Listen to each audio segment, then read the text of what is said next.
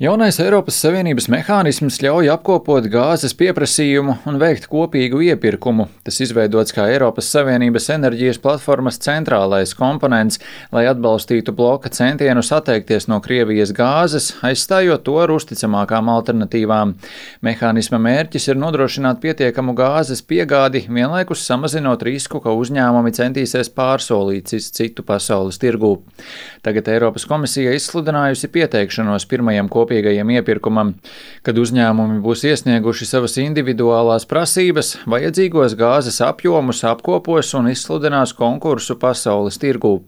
Tiklīdz ar komisijas izveidotā mehānisma palīdzību būs atrasti kolektīvajam Eiropas pieprasījumam atbilstīgi starptautisko gāzes piegādātāju piedāvājumi, iesaistītie uzņēmumi sāks sarunas ar piegādātājiem par gāzes iepirkuma un piegādes līguma noteikumiem.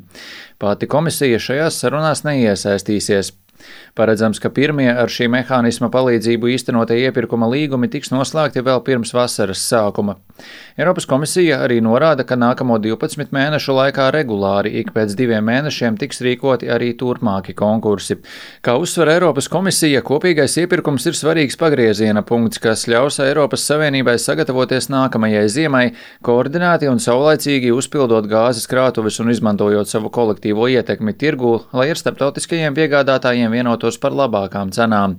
Kopīga iepirkuma nozīmi uzsvēris arī Eiropas komisijas viceprezidents Marošs Šefčovičs. The global LNG market is expected to remain volatile due to limited volumes of the new LNG becoming available. Globālais sašķidrinātās gāzes tirgus joprojām būs nestabils, ņemot vērā ierobežotu piedāvājumu un potenciālu Ķīnas ekonomikas atgūšanos un dramatiski samazināto Krievijas gāzes importu. Tādēļ es uzskatu, ka mums ir pilnībā jāizmanto kopīgais iepirkums ne tikai, lai aizsargātu pašiem sevi no gāzes trūkuma, bet arī, lai pasargātu sevi no augstām enerģijas cenām. Un, lai gan enerģijas tirzniecība pirmkārt ir bizness, tomēr mēs šajā platformā saskatām arī politisko dimensiju, jo tā parāda, kā Eiropa krīzes laikā spēja sanākt kopā.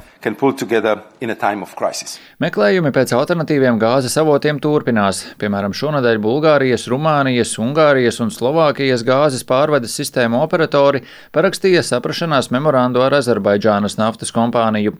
Bulgārijas prezidents Rumens Radevs pēc memoranda parakstīšanas sacīja, ka Azerbaidžāna ir strateģisks partneris ne tikai Bulgārijai, bet arī Eiropas Savienībai. Решение, което дава възможност за сигурност. Šis risinājums, kas dod iespēju nodrošināt piegāžu drošību un diversifikāciju visā Centrāla Eiropas, Austruma Eiropas un Dienvidē Eiropas reģionā, ir ātrākais, efektīvākais un lētākais. Memoranda mērķis ir palielināt dabasgāzes piegāžu drošību Eiropas Savienībai un Centrāla Eiropai, kā arī Dienvidaustrum Eiropai. Memorands parakstīts saskaņā ar Bulgārijas ierosināto un Eiropas komisijas atbalstīto kopīgo solidaritātes gradzena iniciatīvu. Iniciatīvas mērķis ir resursu dažādošana. Maršruts ļautu Azerbaidžānai, Turcijai, Bulgārijai, Rumānijai, Ungārijai un Slovākijai pārvietot gāzi no Dienvidkaukāza caur Turciju tālāk uz Dienvidu Eiropu un ārpus tās.